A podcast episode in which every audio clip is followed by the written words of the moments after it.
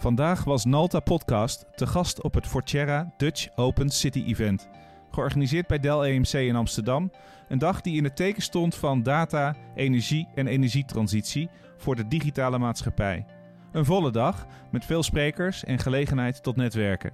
Ik deed samen met Hans Timmerman het afsluitende gesprek, waarin we ook de dialoog aan konden gaan met de deelnemers.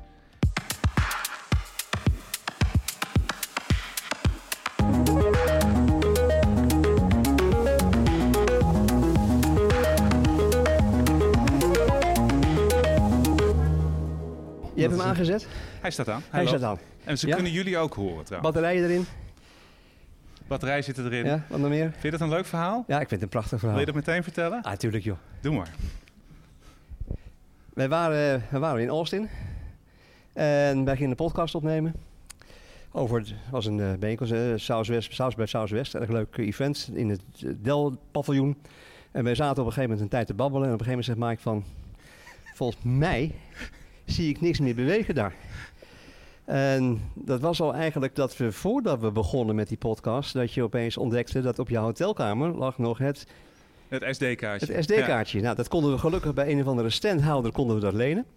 En toen was die batterij op. En uiteindelijk is het op die iPhone voor jou toen nog goed Ja, gekomen. we hebben het gewoon opnieuw gedaan. En dat is het leuke van, eh, van podcasten en gewoon meenemen en doen. Zoals nu ook. Ehm, dat er soms wel eens wat misgaat. En er gaat eigenlijk best wel ook wel heel veel goed, vind ik eigenlijk. Ja.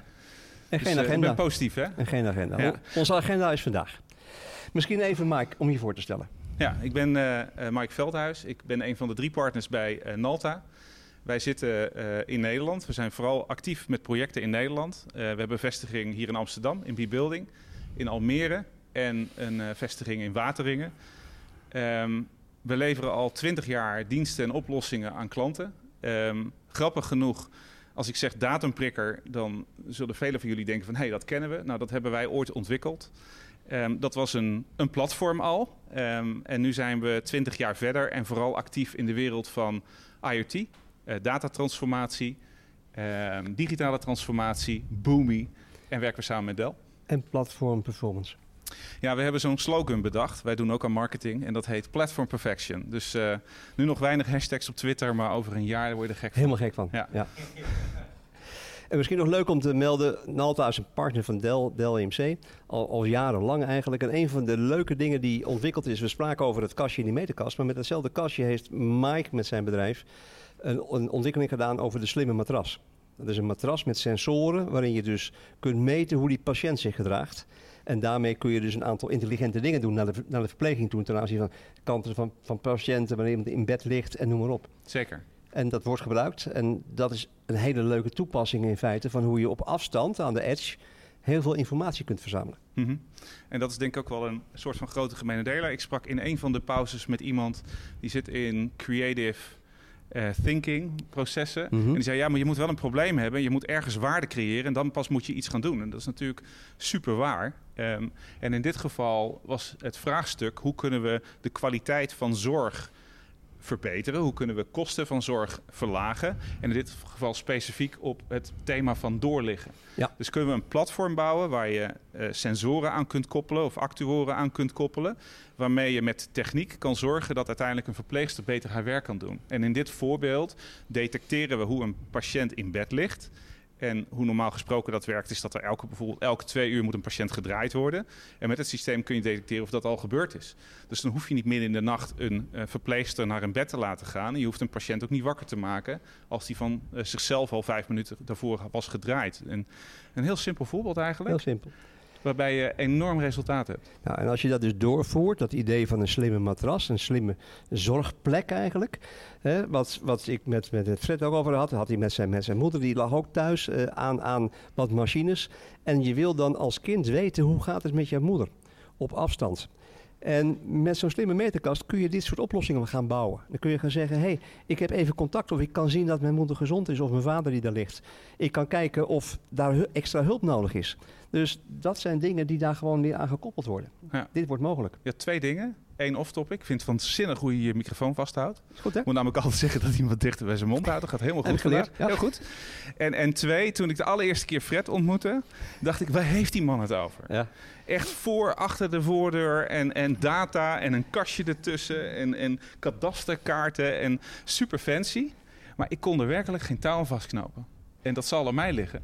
Nou nee, Eh. het is heel lastig. Eh, wat- Lag dat aan mij, Fred, of niet? Nee, je hoeft niet uh, bepalen. Maar ik heb jou ook verteld eh, hoe ik daartoe ben gekomen. En dat was onze gezamenlijke passie voor mensen achter de voordeur. Ja. Hoe krijgen we ze nu, zodat ze zelf achter de voordeur ook zelf redzaam zijn? Ja. En ik heb je verteld over mijn vader, die heeft hier lang thuis aan de loonmachine gelegen. Als die man geen spanning had, is hij in tijden bij dood gegaan. Ja. Drie jaar later, toen hij was overleden, toen vonden we mijn moeder thuis op de grond. Na twee herseninfarcten. En ook die eh, kwam ook uiteindelijk, is er ook nog opgekomen. Dus toen zijn we vooral gaan nadenken van, hé, als we een wereld gaan creëren waar mensen thuis zelfredzaam moeten zijn, waar de zorg van intermodaal naar extramodaal gaat, wat moet je dan doen aan het bouwbesluit om het ook daadwerkelijk mogelijk te maken? Nou, al een paar keer het bouwbesluit gevallen natuurlijk, hè. maar in het bouwbesluit staat niet dat je niet mag meten of er geen spanning is. en dan zie je weer de hele nieuwe wereld, zeg maar, van woningbouwcoöperaties, waarbij mensen die woning verhuren. En er staat wel toe dat er 35% aan huurverhoging verleend mag worden aan zorgwoningen. Maar aan welke zorgvoorzieningen er dan geregeld moeten worden, dat ligt niet vast in een bouwbesluit. Dat ligt gewoon met logisch nadenken. Dat is ook de reden, zeg maar, waarom ik wel eens misschien flipper voor sommige mensen van het een naar het ander. Maar het heeft te maken met de historie. Het heeft ook te maken met hey, wat wil ik bereiken zeg maar, voor de kinderen van morgen. En uiteindelijk zorgen dat uiteindelijk de politiek eh, zeg maar, op een totaal andere manier naar de samenleving gaat kijken dan dat ze het doen. Dankjewel. En het leuke is dat ehm, ik ken Fred al wat langer door toeval, 2014 als ik het goed zeg. Eurocloud was een organisatie waar ik in het bestuur zit en zat eigenlijk. En wij deden dus ehm, ja, een, een soort competitie. Wie heeft de leukste cloudoplossing? En daar hadden we een competitie voor, hadden we dus een bijeenkomst ervoor. En in 2014 was, was eh, eigenlijk net begonnen met dit activiteit. En die hebben toen een prijs gekregen van dit is een verschrikkelijk leuk initiatief. En twee, drie jaar later kwam ik Fred weer tegen. En die zei, Hans, ik wil nog eens met je praten, want ik zit met een infrastructuurprobleempje. En zo zijn we eigenlijk verder weer aan uh, gaan praten over dat data. Omdat die behoefte aan een flexibel data dus enorm aan het groeien was. En dat voor Fortiera in feite een, een, een uh, handicap was om echt door te breken in de markt. Want je moet opeens heel groots gaan leveren. Als er een klant zegt, ik doe maar 90.000 woningen even.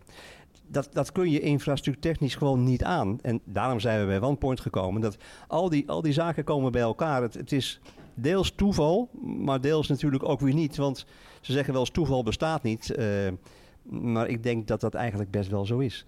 We komen op heel veel plaatsen soms elkaar tegen dat je zegt van... hoe is het mogelijk dat we elkaar op dit moment hierover kunnen spreken? Want ik ben niet mee bezig, jij bent niet mee bezig. Het is waanzinnig. En ik, ik vind ook de verhalen, zoals Fred hem nu vertelt... wat echt de intrinsieke reden is waarom je zo'n project start. Ja. Zo'n zo'n visie hebt, zo'n droom hebt. Dat, dat raakt tien keer meer dan bits en bytes. Ja. En dat, dat, is, ja, dat, dat vind ik echt waanzinnig. En Ja. als je dus open staat, hiervoor open staat en gaat nadenken... hoe kan ik de vertaalslag maken van zo'n vraagstuk naar techniek... Dan, dan krijg je in één keer heel veel mensen mee. En dat is wat er gebeurt in die wereld van IoT. Dat het een wereld is van ecosystemen. En mensen die elkaar helpen, bedrijven die met elkaar helpen om waarde te creëren. Nou, dat ontdek ik ook. Dat ecosysteem, de uitdaging van een ecosysteem. Er is geen één partij, geen één leverancier die alles kan waar we vandaag over gesproken hebben. Dat is gewoon onmogelijk. Dus je moet dat samen doen in een ecosysteem. Ik praat met ingenieursbureaus die bezig zijn met zeg maar, de gezondheid eh, in, in een wijk te verbeteren. Die gaan kijken van kan ik meten wat eh, de, de, de NOx-uitstoot is. Dan moet je eerst sensoren hebben. Moet je wel een gemeente hebben die verglaasd is. Dan komen we bij Eersel, die zo'n gemeente is die dat gewoon is gaan doen tien jaar geleden. Bij elke wegreparatie gingen ze gewoon breedband aanleggen bij elke lantaarnpaal en krachtstroom. Waarbij ze dus nu in hun hele publieke omgeving zeg maar, bandbreedte hebben en energie om te kunnen gaan meten als ze vinden dat ze iets moeten gaan meten.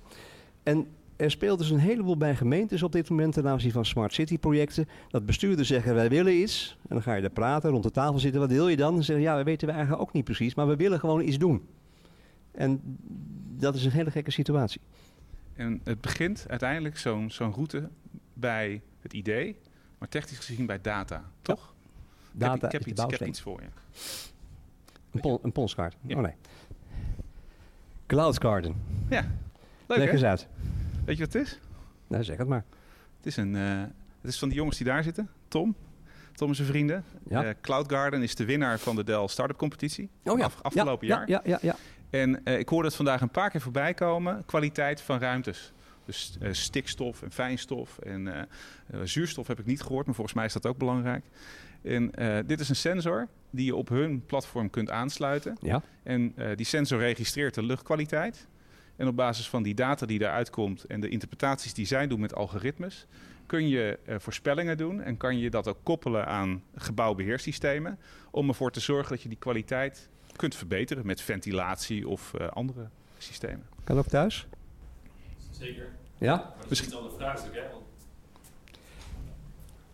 Want ik denk dat veel mensen dit best zouden willen hebben. Als je zegt, dit kan de, de kwaliteit in je woonkamer of je slaapkamer ik verbeteren. probeer goed met die microfoon om te gaan. Ja, ja. Goed hè? Ehm, alles kan, hè? dus het is dezelfde data en dezelfde datamanipulatie. Maar wat bij een woonhuis heel erg belangrijk gaat worden, is hoe, hoe je een bepaalde proxylaag maakt. Hè? Die, die, want wat ik in data kan zien is iets heel anders dan de gemiddelde misschien kan zien. Maar wat je daaruit kan aflezen is, is best wel uh, privacygevoelig. Dus denk dat we heel goed moeten nadenken hoe we ook gateways kunnen gebruiken straks. Om niet alleen maar uh, inzichten te kunnen geven, maar ook uh, de inzichten dusdanig te beschermen dat, dat je ook um, de inzichten kan inzetten zonder dat je de directe data hoeft te zien. En dat kun je met modellen doen, dat kun je met verschillende lagen doen. Ik dat vooral die discussie heel belangrijk gaat worden. Want of we het technisch kunnen, dat is, dat is één ding. Of je het ethisch wil kunnen, dat is een ander ding. En ik denk dat we ook goed moeten kijken van we kunnen ook onszelf ook wel ethische grenzen opleggen. Maar als de landen om ons heen of de, de, de, de, de andere continenten om ons heen hele andere dingen doen, dan moeten we kijken hoe, hoe houden we het dan wel relevant hè, in de wereld. Dus ik denk dat het een hele brede casus is waar het niet alleen maar gaat over wat kan je weten met een sensor. Maar waar we eigenlijk de hele infrastructuur van, van IoT een keer opnieuw moeten uitdenken. Ja. En kun je die intelligentie ook in de woning zelf hangen, dan heb je het privacyprobleem niet, want dan blijft het gewoon bij de persoon die het heeft. Nou, zeker. Dus waar, waar ik graag naartoe zou willen, uh, uh, is, is dat je inderdaad gateway hebt waar je, waar je, waar je de, de modellen uh, via data intraint in de cloud. Die modellen zijn eigenlijk overal hetzelfde, maar een groter gebouw klein gebouw. Dat zijn de grote algoritmes in feite waar je tegenaan houdt. Ja. Het komt eigenlijk meer op natuurkunde, meer dan, dan, dan data. Ja. Um, maar met de data kan je wel de, de, de variatie in de data clusteren en, en de parameters tweaken. Als je dan die modellen dan downloadt naar de, de SK, dan kan je weer offline halen. Ja, dan kun je benchmarken, kun je zeggen waar zit ik, et cetera. Dan kan je ook zeggen ja. van hey, uh, gateway, maak alleen maar contact met de cloud. Hè? De, de, de, gevaarlijke link, zeg maar. Ja. Als het nodig is in die datapositie die je niet kan plaatsen. Ja. En op, die manier kun je best wel een veilige infrastructuur opnieuw uitdenken. Ja, interessant, Tom. leuk. Tom, Tom, ja. waarom ben je dit gaan doen? Dat, krijg ik vaak te horen. Ik ben ergens mee begonnen en, en uh, hoe, hoe, meer je je ergens in verdiept, hoe, hoe meer je tegenkomt waar je denkt, nee, dat kan beter. Ja, ik denk gewoon dat het beter kan. Dus, hè. De, zover als het kan komen, hoop ik uh, bij te kunnen dragen aan die verbetering. en dat is wel mijn intrinsieke motivatie. Nou, wat heel tof was met, met Tom, dankjewel, uh, is dat wij uh, uh, op Vivatech stonden. Ja. dat is nu drie weken geleden. jullie stonden daar drie dagen, ik was daar één dag voor de gezelligheid. En, en um, het is een Franse beurs, heel erg Frans zelfs, waar een perfecte combinatie werd gemaakt tussen start-ups en corporates. En je ziet dat die, die mix wel vaker wordt gezocht. Ik moet zeggen, soms ook ten nadele van start-ups. Dan is het voor corporates heel stoer om te zeggen... wij hebben tien start-ups aan ons gekoppeld. Kijk eens hoe innovatief we zijn. Dat, dat, maar op het moment dat je dat gaat mixen... dan ontstaat daar voor beide kanten toegevoegde waarde. En die beurs was daar een heel mooi voorbeeld van. Um, en we stonden daar met uh, Dell Technologies... Um, samen met nog vier andere start-ups... En als je dan ziet hoe men reageert op het moment, en daar wil ik naartoe, dat je naar de data gaat kijken, en dat hebben jullie gedaan. De data die uit dit kastje komt, die is op een hele mooie manier gevisualiseerd. En het, het aardige is van visualisatie is dat mensen in één keer gaan interpreteren en gaan nadenken van wat zie ik nu eigenlijk. En um, ja, dat is echt waanzinnig hoe jullie dat gedaan hebben. Dus dat moet je echt gaan zien. En dat is ook een beetje wat Harm vanmorgen zei. Hè? Die, die boodschap overbrengen is nog verschrikkelijk moeilijk. Want jij zei, ja, Ik, ik was bij Fred en ik, be- die, ik begreep eigenlijk niet wat hij vertelde. Ik heb ook heel veel gesprekken met Fred gehad.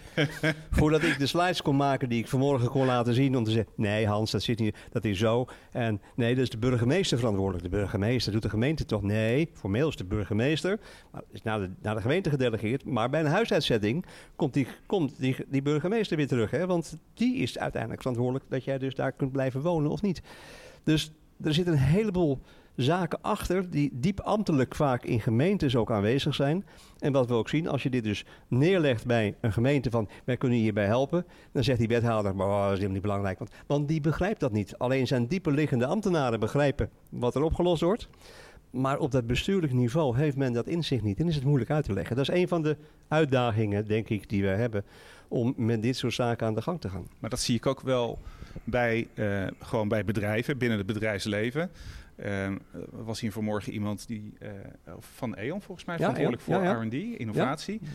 Ehm, nou, die hebben 40 man rondlopen. Ehm, dat klinkt erg luxe, moet ik zeggen. Ehm, we komen ook bij bedrijven die eh, heel veel moeite hebben om een klein project intern te verkopen.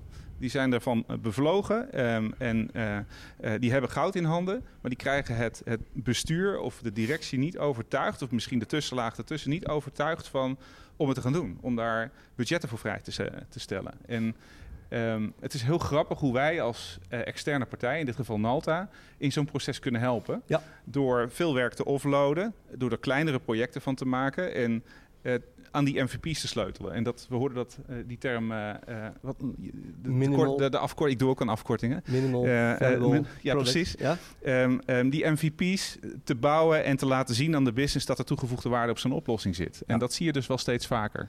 Dat is grappig, dat was een opmerking die Jaap net naar mij maakte. Jaap Kwabedijk, ook een, een lange bekende van mij, al uit mijn fokkertijd, eh, 30, 40 jaar geleden, kennen we elkaar. Toen hele gekke dingen gedaan. Die zei ook tegen mij, Hans, je moet straks nog even memoreren dat met dat nieuwe platform bij OnePoint, ja, we niet alleen zeg maar, HCL kunnen werken in software, maar we nu ook HCL in infrastructuur kunnen leveren. We kunnen hele kleine stapjes leveren voor ook hele beperkte prijzen om iets te gaan opschalen. Je Mhm. hoeft niet in een big bang gelijk hup, miljoenen hebben om het te kunnen. Nee, je kunt gewoon met iets kleins beginnen en dat op een gegeven moment verder uitbouwen. Was er een vraag toch, hè? Ja, het was nogal wat uitgebreider, maar dat heb je bij mij altijd natuurlijk. Ehm, waar je vroeger dus eh, de hobbel over moest, dat je moest investeren en dat je plannen moest maken, kun je nu gewoon zeggen van nou, ik doe iets. Hè, wat een bewijs is dat die eerste stap kan. Maar wat niet schokkend is, wat ook een korte termijn probleem oplevert. Hè. Wij hebben een van, van de hobby's bij, bij is dat wij eh, het personeel om een, eh, om een technische infrastructuur, die kunnen we wegautomatiseren.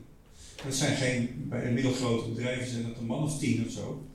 Hè, nou, dat moet je, dat moet je heel zorgvuldig doen, maar dat is een bewijs van, nou hier heb je een gereedschapje, kijk dat kan ik. Daarachter ligt het volgende stapje, die doe je niet met diezelfde mensen, maar dat doe je met iemand die meer. En zo kan je dus, in de praktijk kan je de, de, de, de digitale transformatie kan je doen, Mhm. zonder dat je daar eh, een dikke consultantsverhaal tegenover moet zetten, wat mijn normale vak is. Nou, en, en, en doordat dat gebeurt, is mede dat we dus steeds sneller dit soort innovaties kunnen laten plaatsvinden. En dan kom ik toch nog terug even op wat Harm zei over de boodschap. Hoe ga je nou bestuurders, hoe ga je nou mensen die wat verder afstaan van onze wereld van techniek en, en cloudwereld en informatiewereld en datawereld dat uitleggen? En en die, die communicatieuitdaging die is gigantisch. Heb ik wel een leuk voorbeeld. Ja. En dat voorbeeld is het voorbeeld van kijken naar data. Ehm, eigenlijk hartstikke fout. Ik heb eh, heel veel podcasts en interviews gedaan. En dan is het eigenlijk, je begint bij de business case. En dan ga je dat beschrijven. En uiteindelijk eh, ga je richting het product. Ehm, maar soms is het ook gewoon heel leuk om naar data te kijken. Ehm, en een voorbeeld eh, daarvan is de North Seaport. Dat is een klant van ons, al heel lang. En die zijn verantwoordelijk voor het beheer van de havens in Vlissingen en Terneuzen en inmiddels ook Gent. En waar verdienen ze geld mee? Overslag van goederen en liggen in de haven. Ehm, en dat was een, een manueel proces. Dus er ging iemand op een bootje door die haven heen en die was gewoon aan het rapporteren en vinkjes aan het zetten. Er ligt een boot en hij ligt er zo lang en dan kon er een factuur heen. Dus wat zijn we gaan doen? Eh, we hebben een, eh, een antenne op het dak eh, van dat kantoor neergezet. En dan zijn we AIS-data gaan aftappen. En AIS-data, dat is open data. Eh, Ja. Dat zijn eh, transponders die zitten op binnenvaartschepen. En die sturen om de zoveel minuten eh, hun GPS-coördinaten door, hun koers door. En soms zit daar, als de schipper niet te lui is, ook informatie in over zijn er wel of geen gevaarlijke stoffen aan boord en hoeveel personen zijn er aan boord. En die data kan je gewoon afvangen. En die data zijn we gaan opvangen met die antenne. En die data zijn we, hebben we wat kwaliteitslagen overheen gegooid. Je kunt je voorstellen dat als een, een schip in de haven ligt en hij stuurt zijn GPS-coördinaten door, dat dat er in een rapportage uitziet als een spin. Dat gaat werkelijk alle kanten op. Dus eh, daar, daar kan je wat algoritmes op loslaten, dat het een punt wordt, dat je weet dat die daar ligt. Ehm, en dat zijn we gaan visualiseren. En visualiseren in dit geval betekende, we zijn het op een tijdsas gaan zetten. Dus je krijgt een kaartje van eh, die havens. En dan zie je schepen gaan. En het grappige is dat je schepen zag gaan. En die waren even weg voor een paar uur. En dan kwamen ze op een andere plek in de rivier. Weer Terug, weer Weer terug. zichtbaar. Dus nou hebben we hier te maken met eh, foute data. Spook, Het is- spookschepen. spookschepen, zijn het piraten. Ja. Het kan van alles zijn. Ehm, maar dat waren gewoon schippers die de transponder even hadden uitgezet. Omdat ze de haven in waren geweest en weer uit waren gegaan. Ehm, andere voorbeelden die we zagen is als we de data die wij opvingen in onze rapportage gingen vergelijken met het havenmanagementsysteem, dat daar gewoon een delta tussen zat. En niet in het voordeel van de haven. Er bleken Ja. gewoon daadwerkelijk schepen niet geregistreerd te zijn. Dat was een getal, we schatten in 10, 15 procent. Dat was voldoende reden om een business case te openen om dit daadwerkelijk te gaan bouwen. En dat zijn we gaan doen. Daar hebben we ongeveer een, een half jaar over gedaan. Daar hebben we Boomi voor gebruikt. Daar komen Ja. we denk ik zo meteen op.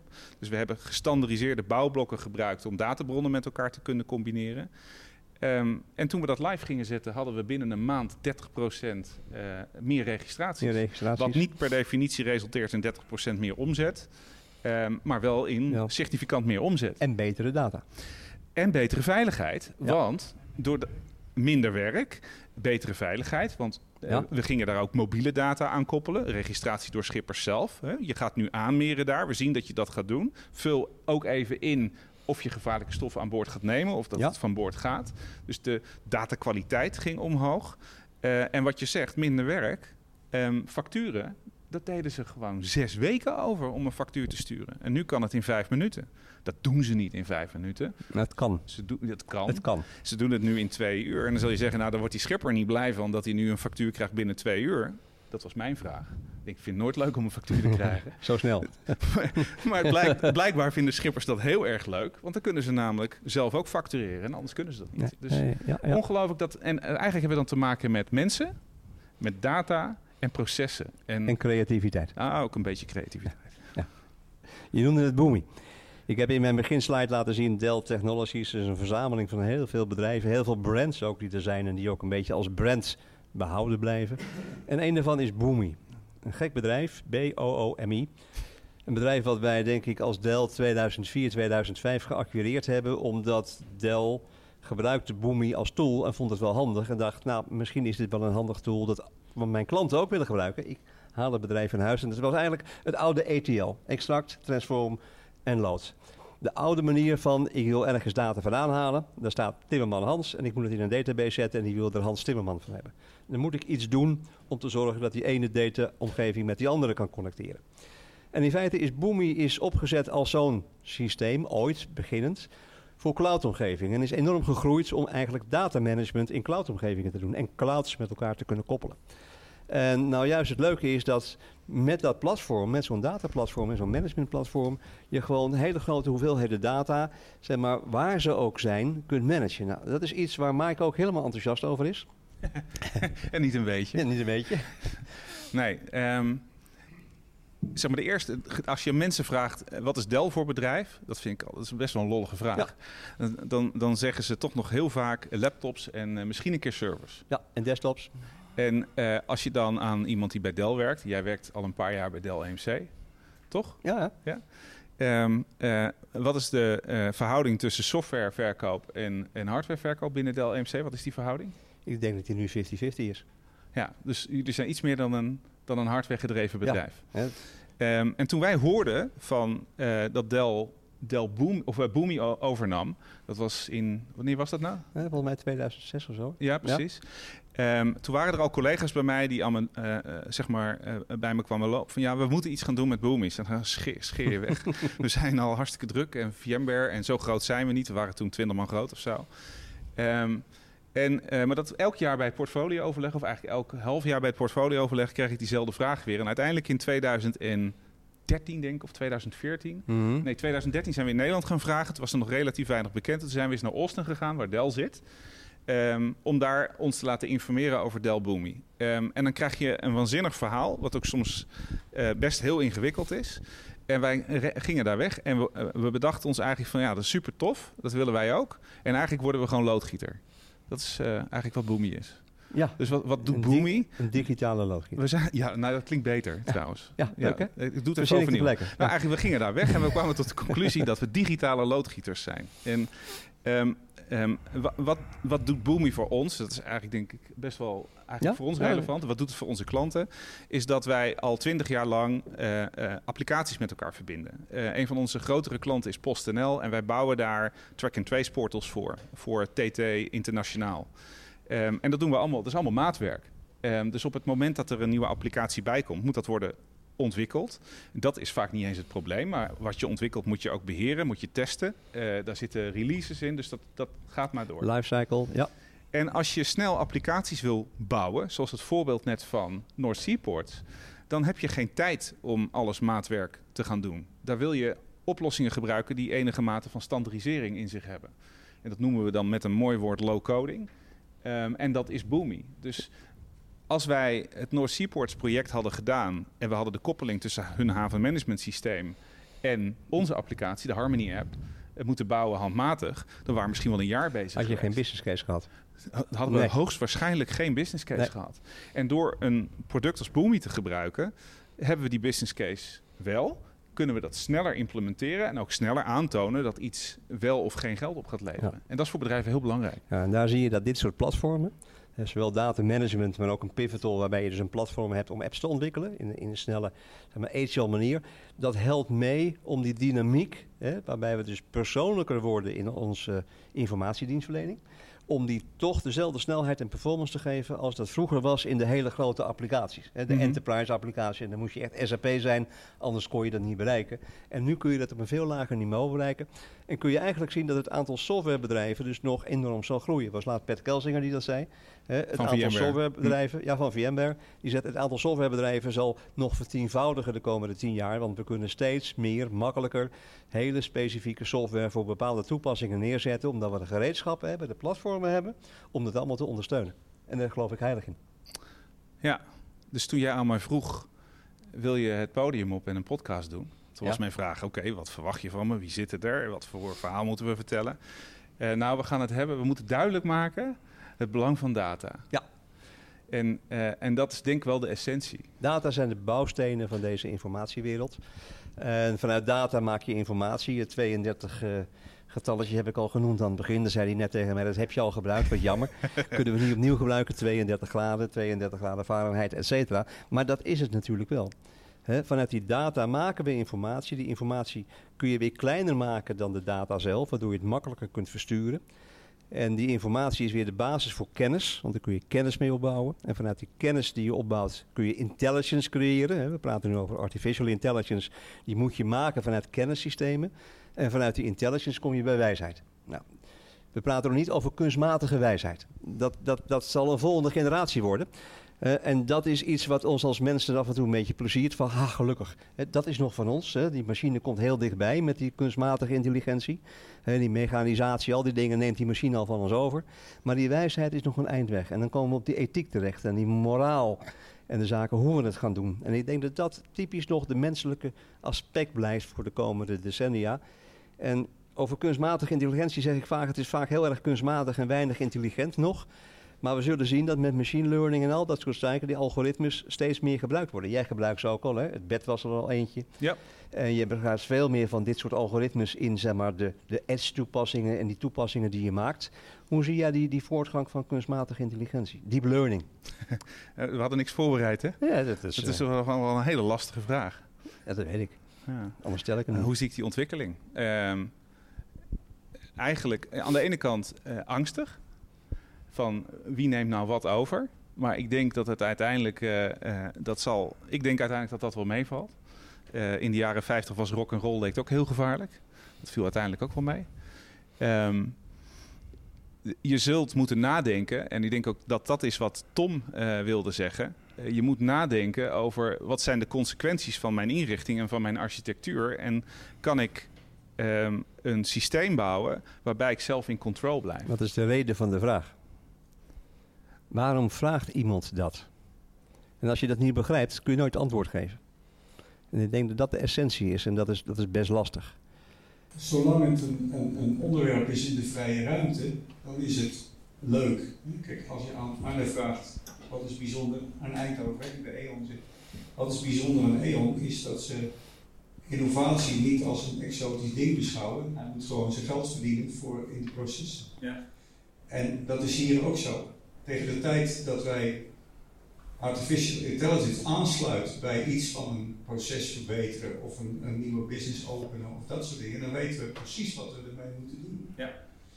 En als ik, waar ik me op dit moment als persoon erg aan erger, is dat we 500 miljoen in de jeugdzorg stoppen om de zaak te verbeteren. En dan, ja, dan zijn ze bezig met trajecten die, die, eh, waarvan ze niet kunnen laten zien wat die trajecten nou opleveren voor de verbetering van de jeugdzorg.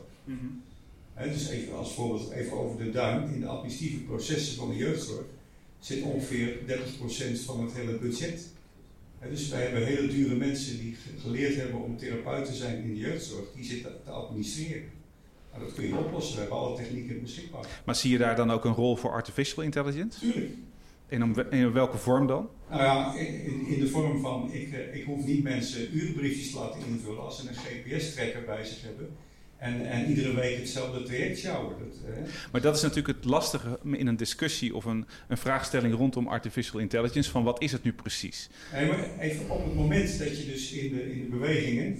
ehm Fred die zegt tegen mij dat hij de hele vastgoedwereld kent en dat hij alles precies begrijpt. En ik zeg van, nou, het, alleen al het feit dat je 400 databases kan bevragen en gecertificeerde data eruit kan halen. Hè, dat is voor bijna iedere markt is dat interessant. Mhm. Hè, waarom zou ik het dan met druk maken over die vastgoedmarkt? Misschien zijn er andere markten die veel inter- intelligenter zijn. Dus die, die hele, eh, de hele hype over big data. Big data hangen los tot het moment dat je de rest zo georganiseerd hebt dat je er iets mee kunt doen. Bijvoorbeeld de real-time organisatie ermee maken. Maar als ik in het, in het veld dat, dat roep, dan zegt ze nou daar heb ik even geen tijd voor, want ik, ben, moet mijn administratie voor, eh, voor de voor back-office nog doen. Dat, is, dat is een beetje de beweging die we nu hebben. Nou, we zagen vandaag een voorbeeld waarin juist, eh, wat is een gebied waar het heel succesvol is, is in de marketing. Heel veel data eh, en eh, waarin je heel goed kunt zien waar je resultaat kunt pakken met die data en modellen daarbovenop. Ehm, dus toen ik, ik interpreteer jouw vraag Hans, ehm, worden dus machines zometeen slimmer dan mensen. Ik denk het Ehm, niet. En, Ze kunnen ehm, sneller rekenen. Ehm, en of dat wel zo is of dat dat niet zo is, uiteindelijk gaat het erom dat we erover nadenken hoe we het inrichten. En dat is vanuit een technisch perspectief, maar dat is ook vanuit een, eh, een maatschappelijk perspectief en een regelgeving perspectief. Ehm, en ik vind dat we daar, en dat is, dat is het finaal van mijn mening, ik vind dat we daar beter over na moeten denken dan dat we hebben nagedacht over het internet en de grote Facebooks en de Googles van deze wereld, die met data lekker eh, hun gang konden gaan, waarvan we nu gewoon last hebben en waar overheden nu pas wakker worden en regelgeving aan het verzinnen zijn, nadenken dat ze die bedrijven willen gaan splitsen, kleiner maken, dat ze gewoon te machtig zijn geworden. Dus die techniek in de basis is enorm krachtig. Of soms nu wel Ja. of niet overnemen. Maar dat we het reguleren en dat we erover nadenken. Ja, zeker. Zeker, heel belangrijk. Ik kan de klok niet zien, jij wel. Ik kan de klok prima zien. Het Maar is tien over half vier. Tien over half vier. En wat jij zei, data is heel belangrijk. En Fred zegt eigenlijk, er is al zo verschrikkelijk veel data die opnieuw wordt gevraagd aan Ja. ons. En als we dat proces kunnen automatiseren, hè, woorden van Jaap, als we dat proces kunnen, kunnen versnellen en als we zoals Harm dat zei in zijn verhaal, dat op een simpele manier ook over de bühne kunnen brengen, want dat is in feite wat hier gebeurde. Hè, wij kunnen die business case heel makkelijk maken. Ja, dan zijn er nog zoveel mooie projecten de komende jaren te doen. En dan kan Tom, die, eh, nou, die moet overwerken met zijn platform straks om eh, de groei te hebben. En dan is mijn accountmanager ook heel blij, want eh, dan blijven we ijzer aanschouwen. Want uiteindelijk is natuurlijk dat ijzer ergens de plek waar het gebeurt. Hè. Een cloud is een plek ergens waar gewoon de spullen staan die vroeger eh, bij jou eh, onder je bureau stonden.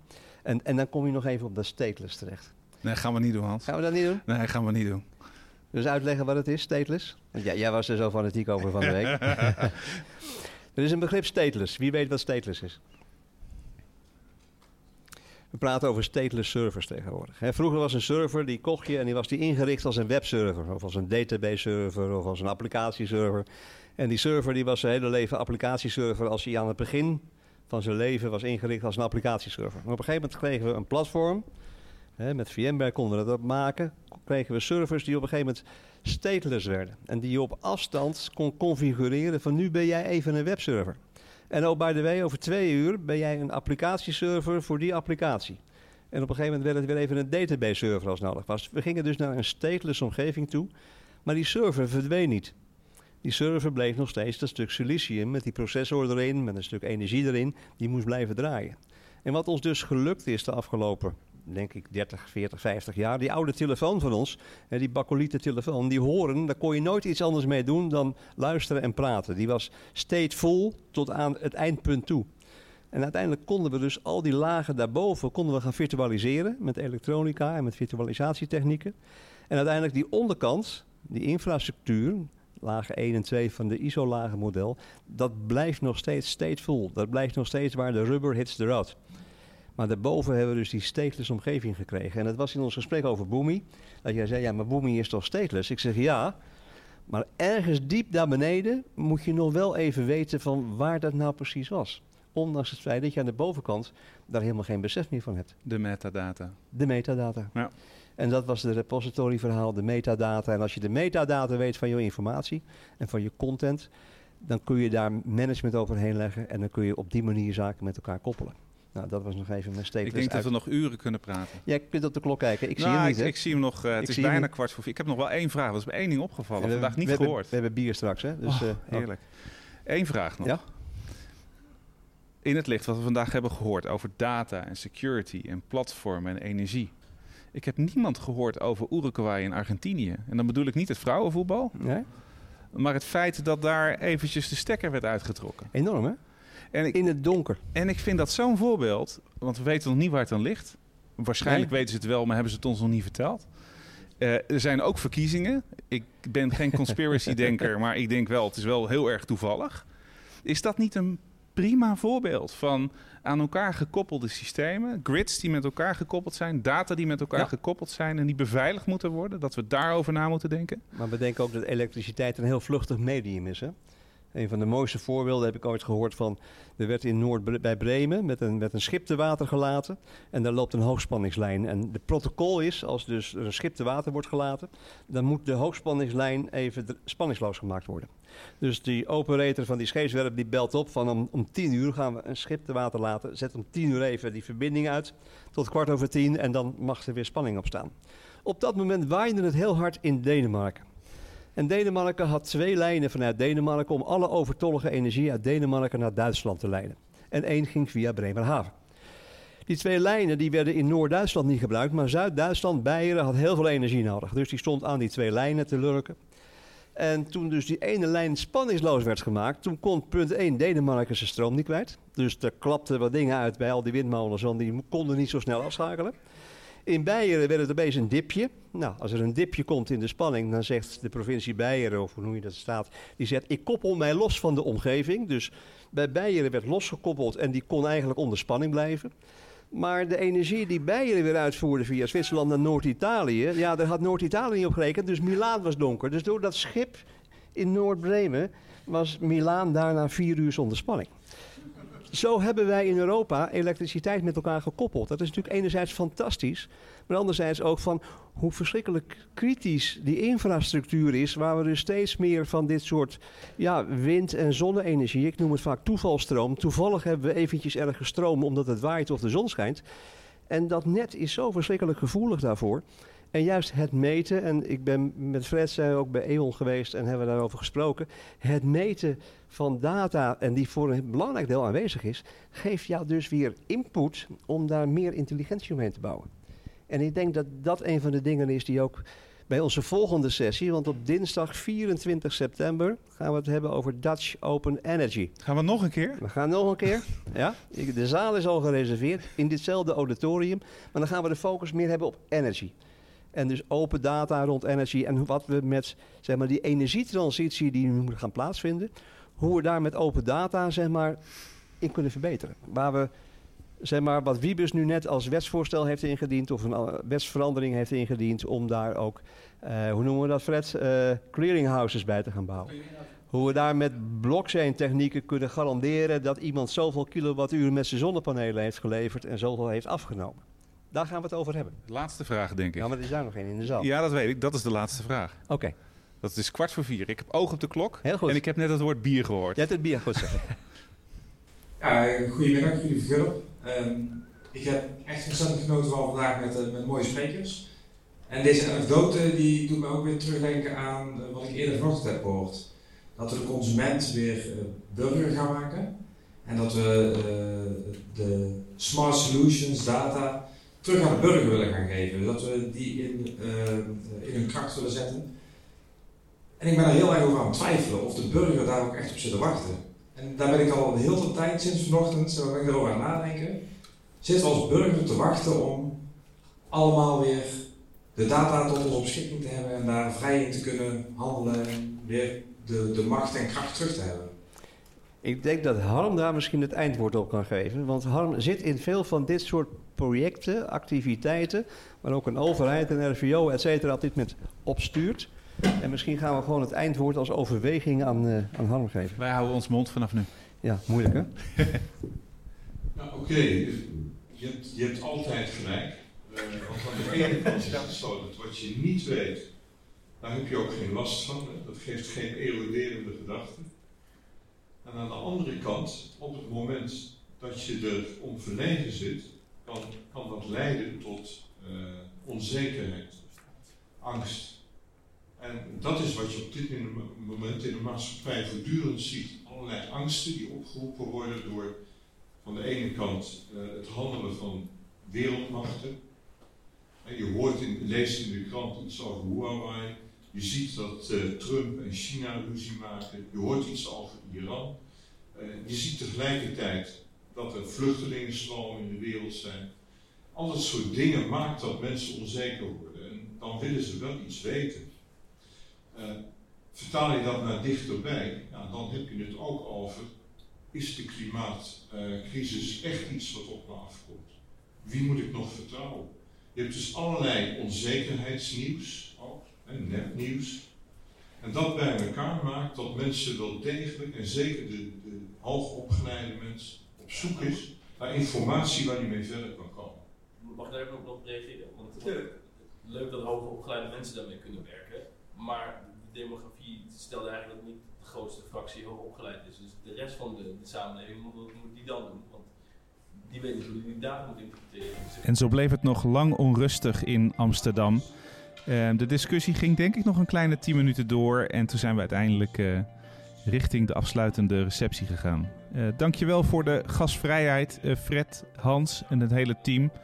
En tot 23 september want dan zal er een vervolg worden gegeven aan dit fraaie event. Bedankt voor het luisteren en vergeet je niet te abonneren op onze podcastkanalen bij Apple en SoundCloud. En ons YouTube-kanaal waar veel video's te vinden zijn en ook enkele podcasts. Fijne dag.